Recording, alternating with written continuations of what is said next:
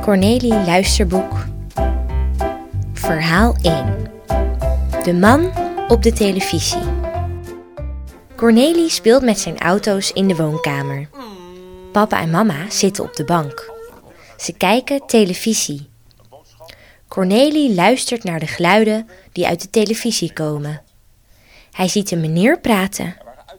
De meneer heeft een bril op en praat een beetje boos. Praat die meneer over, mama? vraagt Cornelie.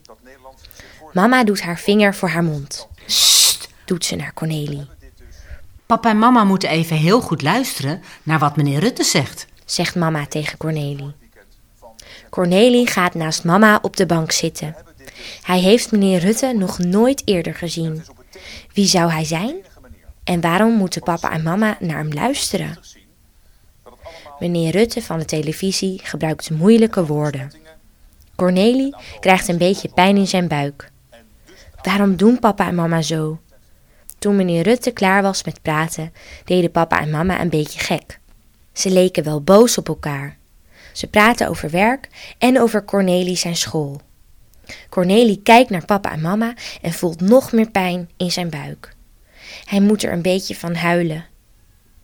Papa en mama schrikken en gaan naast Cornelie zitten, Het komt allemaal goed, Cornelie. zegt papa. We zullen aan je uitleggen wat er aan de hand is.